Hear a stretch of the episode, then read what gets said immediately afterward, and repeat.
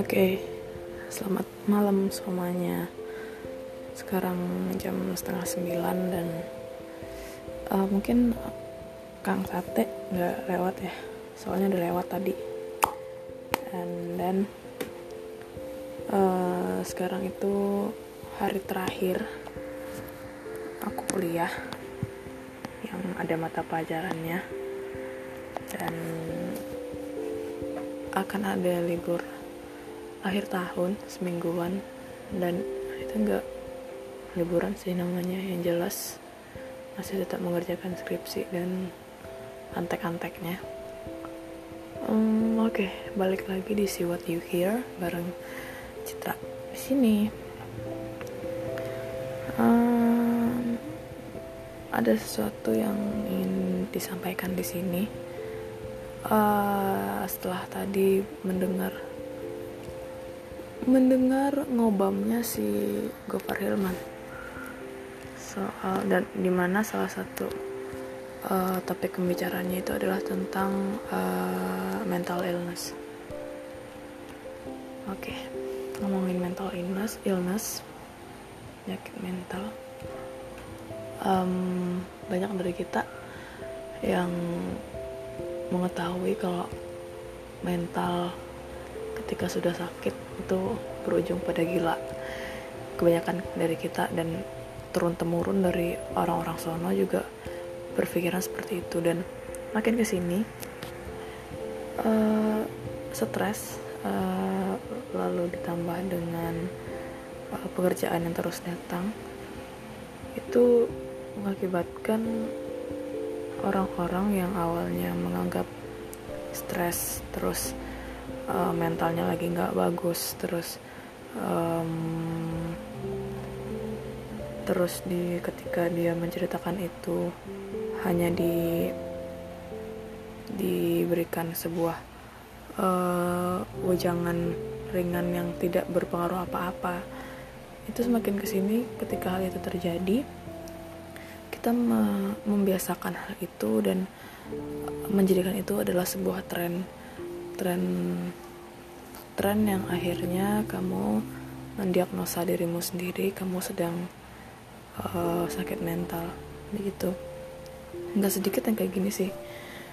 Makin ke sini di, di beberapa tahun belakangan sih menurut hak menurut aku menurut uh, yang aku lihat di sekitar baik di lingkungan nyata maupun maya itu orang-orang kayak dengan mudahnya mengklaim dirinya itu sedang misalnya sedang sakit mental, sedang depresi, sedang uh, sedang mengalami bipolar yang bahkan ketika ditanya apa itu bipolar sama orang ini dia nggak tahu apa itu. Dia cuma tahu bipolar adalah penyakit yang lagi lagi ngetren dan dan dia membaca uh, dan dia membaca indikasi apa saja ketika seorang mengalami bipolar dan dia mengklaim dirinya sedang mengalami bipolar dan itu sih menurut aku nggak nggak lucu sih. Ketika seseorang menghindari penyakit ini malah mendekati penyakit yang mana penyakitnya nggak main-main gitu loh.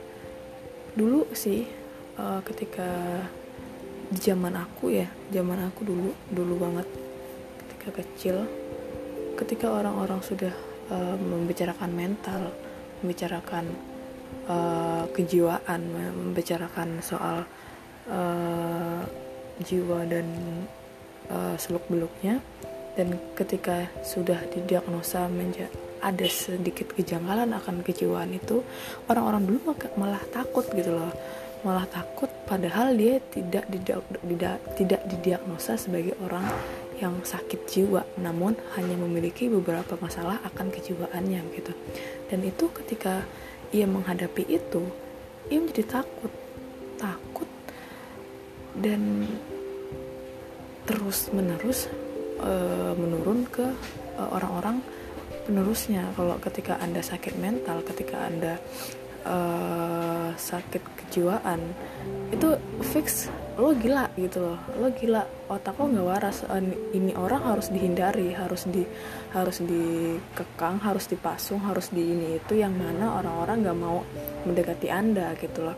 Dan ketika hal ini terjadi yang mana kesalahan orang dulu adalah tidak men, tidak membicarakannya tidak tidak men-share-nya secara langsung tidak membagi cerita ini kepada orang berpengalaman orang yang profesional dan berakhir pada keter keterpurukan ke korban ini. Mereka uh, si korban ini merasa tidak punya teman yang di mana mereka uh, yang di mana orang-orang ini sebenarnya sangat-sangat sangat-sangat membutuhkan itu untuk men-share uh, beban apa yang ia pikirkan, apa yang ia rasakan gitu. Dan ketika kita di dicap sebagai orang yang sedikit sebagai orang stres yang mana orang-orang akan bereaksi akan uh, merefleks akan menjauhi kita dan itu terus menerus begitu loh terus menerus hingga akhirnya eh, beban-beban yang awalnya kita tumpuk kita tumpuk kita tumpuk ditambah dengan uh, adanya tidak ketiadaan teman untuk berbagi cerita itu semakin menumpuk dan ya berakhir pada gila beneran gitu. Dan itu dan ketika kita sudah begitu um, orang-orang sudah memandang negatif kita kita uh, kita tidak diperlakukan dengan baik kita di uh, dikucilkan dan termasuk oleh keluarga sendiri gitu loh. Dan itu nggak nggak sedikit kasus seperti itu dan sampai sekarang masih ada gitu. Hmm. dan fenomena soal mental illness yang um, yang korbannya men mendiagnosa dirinya sendiri itu sih pikir-pikir ulang. Ketika kalian men mendiagnosa diri kalian sedang mengalami mental ini um, apakah kalian benar-benar mampu untuk uh, untuk menanggung sisi lain dari ketika kalian bilang kepada orang-orang saya bipolar gitu. Misalnya saya sedang sakit mental saya sedang um, mengalami stres gitu.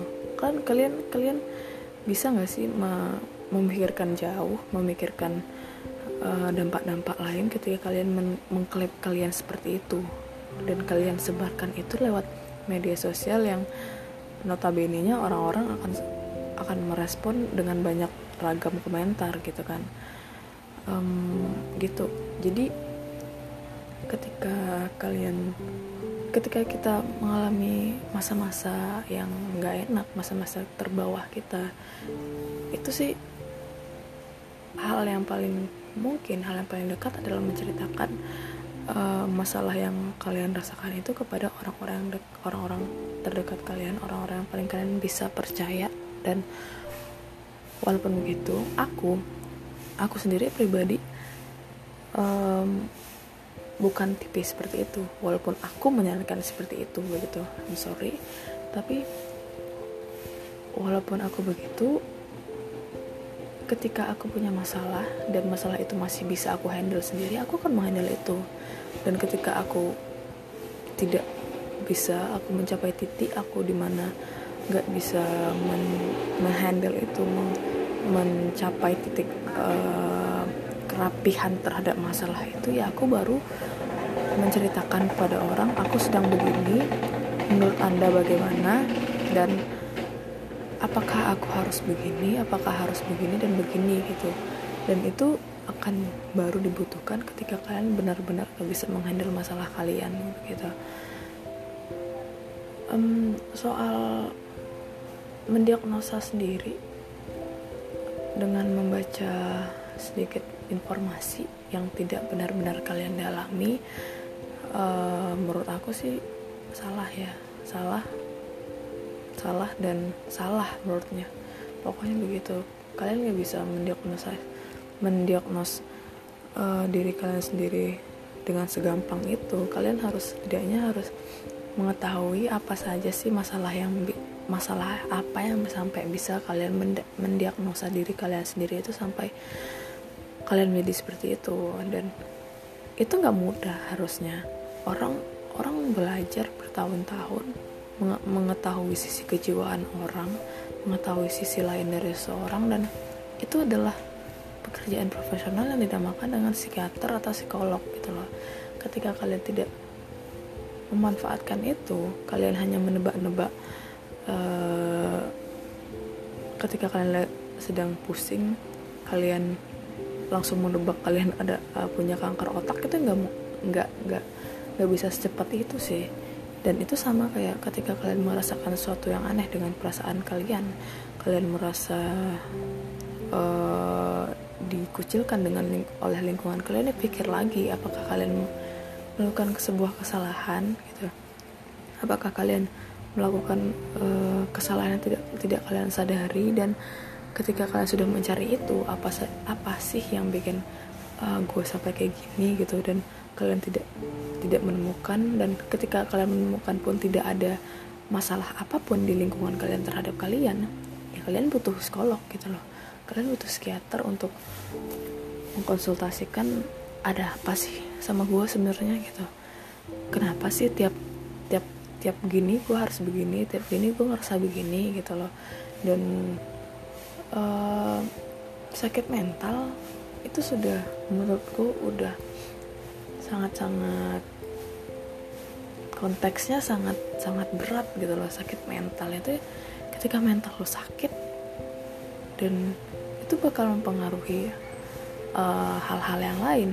Mood kalian menjadi berubah uh, ketika mood kalian menjadi berubah dan jelek itu akan mempengaruhi sistem makan kalian sistem imun kalian yang yang biasanya makan tiga kali sehari jadi sehari atau bahkan nggak ada karena karena pengaruh itu karena pengaruh ketika pengaruh stres yang terus menerus kalian merasa nggak membutuhkan ini padahal tubuh kalian meronta-ronta ingin dimasukkan sesuatu gitu loh.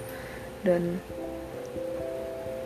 jangan pernah mm, mendiagnosa diri sendiri dengan segampang itu dengan semudah itu karena kalian kalian nggak mengetahui sisi lain apa di balik apa saja yang kalian baca, apa saja yang kalian diagnosa sendiri terhadap diri kalian sendiri. Dan um, jangan pernah deh uh, mendiagnosa sendiri sendiri gitu loh, apalagi dalam konteks mental.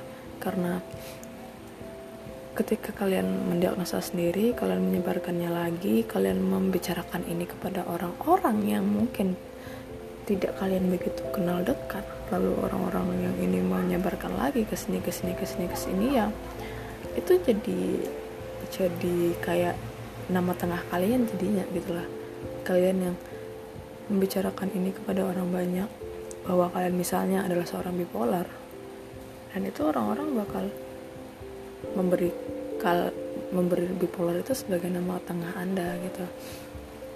Ya udah deh karena karena kalian karena orang-orang ini sudah tahu dengan dari cerita kalian jika kalian adalah seorang polar jadi orang itu merasa kayak ada sesuatu yang mereka hindari dari kalian. Dan itu sebenarnya nggak nggak relate dengan keadaan sebenarnya dengan dengan kamu gitu loh.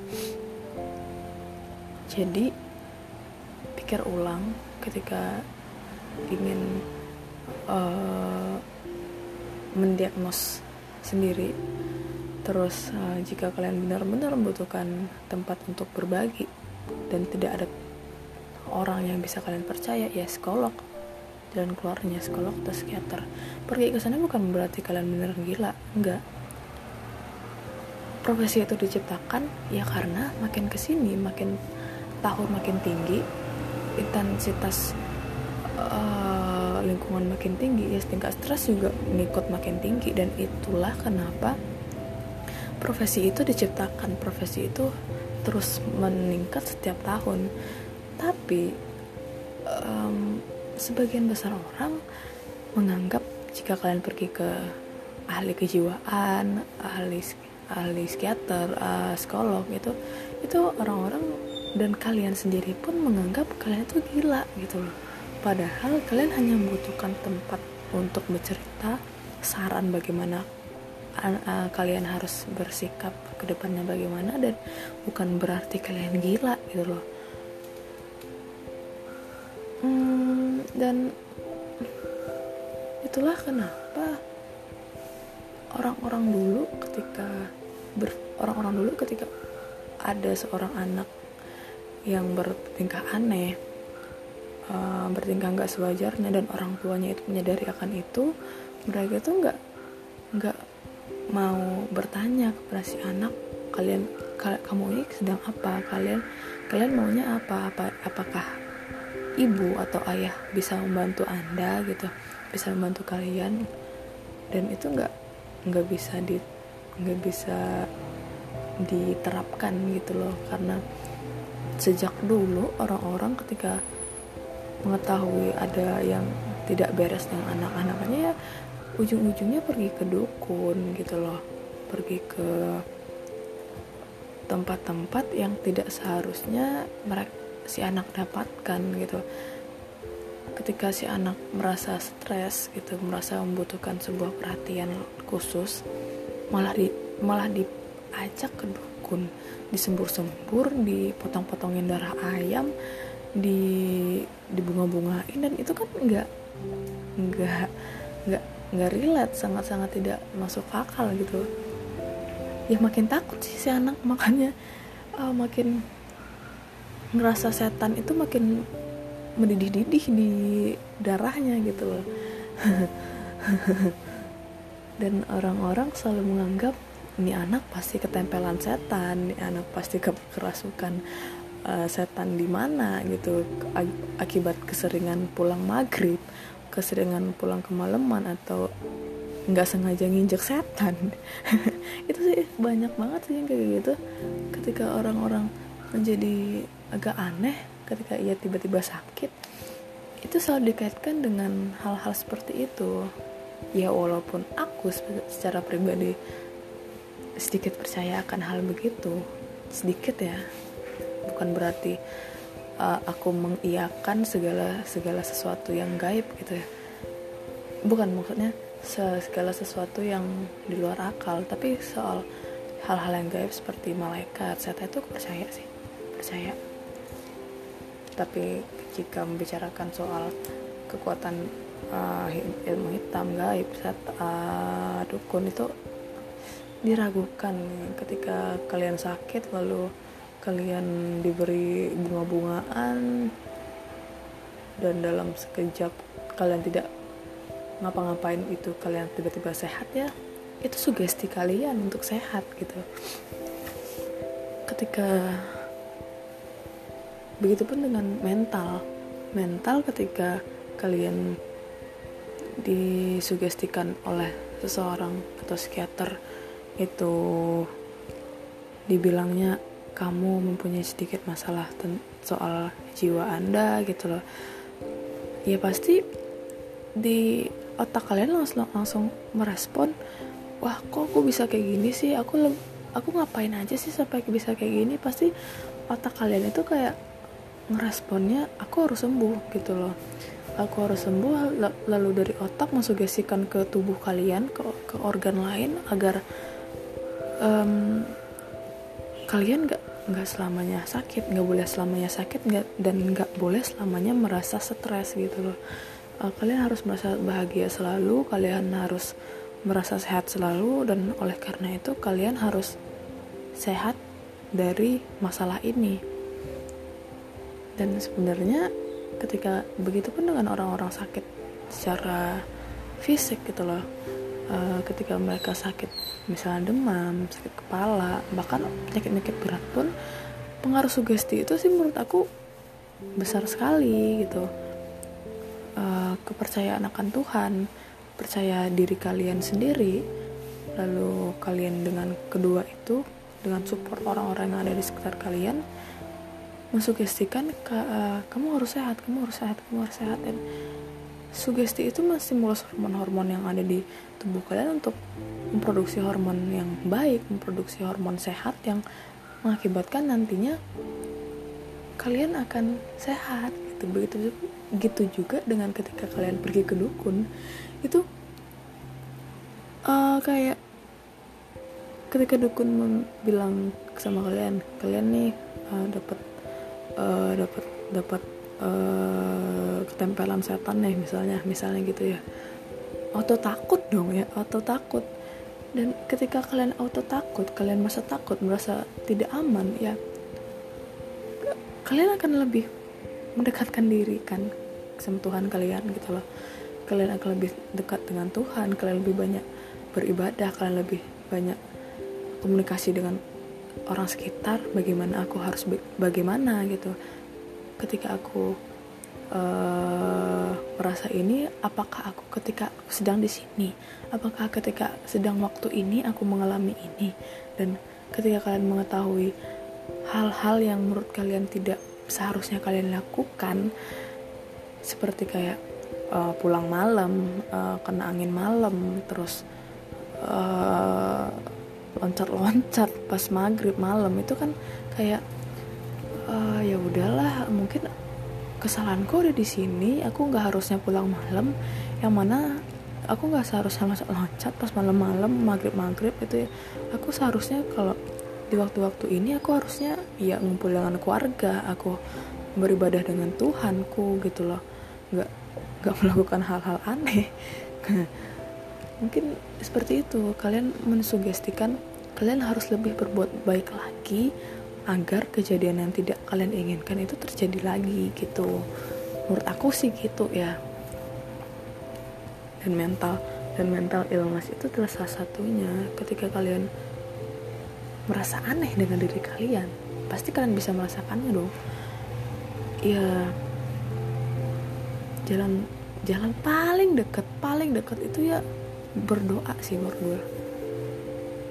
Berdoa ketika kalian tidak mampu untuk uh, menceritakannya ini secara langsung dan oleh siapa pun. Lalu ketika kalian berdoa, kalian akan menstimulus hormon-hormon yang ada di tubuh kalian. Kalian akan mensugestikan diri kalian jika kalian akan baik-baik saja selagi aku bisa menghandle ini gitu loh. Itu jalan, jalan terdekat, bukan berarti tidak ada jalan lain.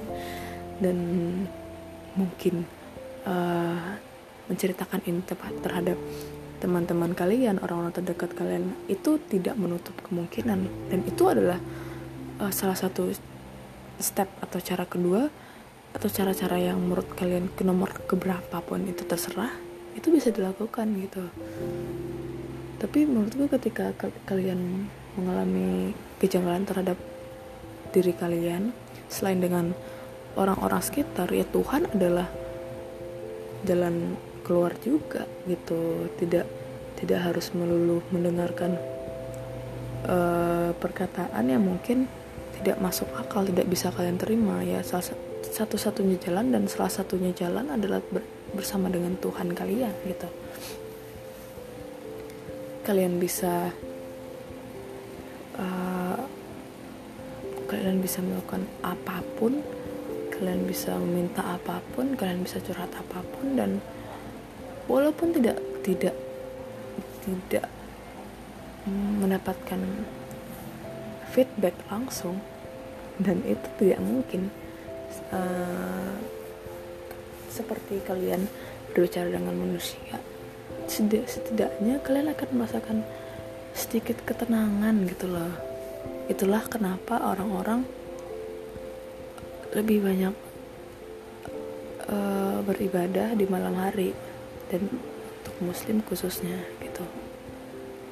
Ketika kalian merasakan ketenangan kalian berdoa kalian meminta sesuatu pada Tuhan kalian kalian kayak ngerasa ada sesuatu yang melingkupi kalian. Kalian akan merasa suatu hal yang mungkin lebih menenangkan kalian dan itu menurutku sendiri sebagai orang-orang yang sedang stres sekarang itu sangat-sangat berpengaruh. Berpengaruh ketika kalian benar-benar berdoa dengan Tuhan kalian benar-benar meminta kemudahan meminta kesehatan meminta apa pun yang kalian inginkan itu akan secara nggak langsung secara nggak sadar di waktu-waktu tertentu doa-doa kalian itu akan terwujud gitu. Begitupun juga ketika kalian ingin mengingat sebuah ketenangan ya ya Tuhanku aku pengen aku ingin tenang aku ingin merasakan sesuatu yang bisa meredakan segala kegundahanku dan apa pun itu kalian akan meminta dan aku yakin sih sangat yakin balasan Tuhan akan datang gitu. Baik sebaik-baiknya dengan segala kebaikannya akan datang kepada kalian. Jadi um, ketika kalian merasakan dan mendiagnosis mendiagnosis mendiagnosa diri kalian itu sedang sakit mental jangan terlalu cepat mengambil kesimpulan karena introspeksi diri sih yang pertama introspeksi dulu. Introspeksi dulu yang pertama kalian harus bagaimana apakah ada kesalahan yang kalian lakukan apakah ada pihak-pihak yang kalian sakiti dan rasa sakit itu berimbas pada kalian. Lalu apakah aku harus begini? Apakah harus aku harus melakukan itu? Pikir ulang dan pikir ulang terus sih. Pikir ulang pikir ulang dan ketika kalian butuhkan orang lain baru deh cerita ke orang lain gitu. Ke siapa pun. Ke temen orang tua psikiater psikolog siapa pun dan ketika kalian sudah merasa merasa tenang akan itu merasa semuanya sedikit mereda baru deh uh, introspeksi sendiri-sendiri agar kesalahan yang kalian rasakan itu nggak berulang lagi begitu.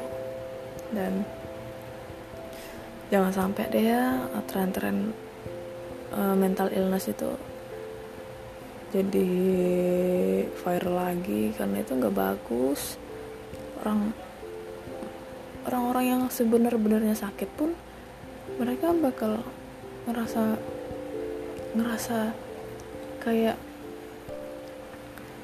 uh, terabaikan dengan dengan orang-orang yang sebenarnya tidak tidak benar-benar sakit namun orang-orang lebih merespon ke orang-orang yang tidak benar-benar sakit ini itu dan ketika hal itu terjadi makin banyak dong orang-orang yang makin stres dan makin banyak dong kejadian-kejadian yang sangat disayangkan akhirnya begitu. Dan um, dan buat kalian jangan sampai jangan pernah sampai membuli orang lain karena itu tekanan batin itu makin makin makin apalagi orang-orang yang nggak bisa mengekspresikan kekesalan itu secara langsung.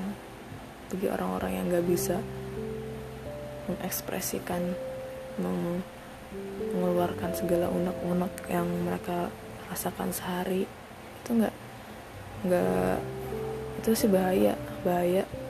Karena ketika sudah meledak di satu hari itu wow banget dampaknya bagi dia sendiri bagi orang tuanya dan lingkungan sekitarnya gitu. Jadi jangan pernah membuli jangan pernah mendiagnosa diri kalian sedang sakit mental apa gitu. Dan yang terpenting saling terbuka saling terbuka baik dengan diri sendiri maupun lingkungan dan Tuhan kalian. Karena ketika kalian mempunyai ketiga itu kalian ketika kalian sadar akan ketiga itu kalian mungkin akan lebih bisa untuk menghandle setiap permasalahan yang kalian rasain gitu. And that's it. Um, sedikit capek ya hari ini. Padahal kerjaan cuma duduk-duduk aja karena mungkin uh, kurang tidur. Dua tanya merah nih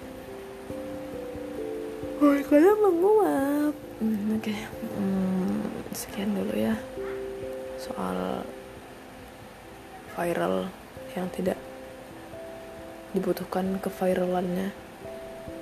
Jangan pernah mendiagnosa diri kalian sendiri akan suatu sakit mental karena itu nggak baik dan uh, see you buat podcast selanjutnya uh, buat kalian yang sering mendengarkan podcastku dan orang-orang baru yang akan mendengarkan hmm, still be my friend still be my soulmate for this moment sih. Karena uh, mungkin aja pendapat kita bisa sama pendapat kita bisa beda. Dan ketika kalian mendengarkan ini semoga ada sedikit manfaatnya buat kalian dan uh, bisa diambil yang baik-baiknya aja dengan yang buruk-buruknya jangan sih. Karena setiap pendapatku adalah pendapatku dan pendapat kalian adalah pendapat kalian dan jangan pernah mempermasalahkan itu kecuali rasanya uh, sangat nggak enak bisa dihubungi saya langsung. Citra uh, eh, IG-nya itu Dewi Citra Rosa. Jadi kalau ngomong-ngomong sesuatu yang menurut kalian gak cocok dengan pendapat kalian ya oke okay, uh, aku bisa menerima itu dan kritik itu aku bisa menerima itu dan let let me know about that oke. Okay? uh, oke okay, bye bye uh, dan selamat berlibur buat kalian semuanya. Dan selamat Natal dan tahun baru. Yes I do it. Oke. Okay. bye. Assalamualaikum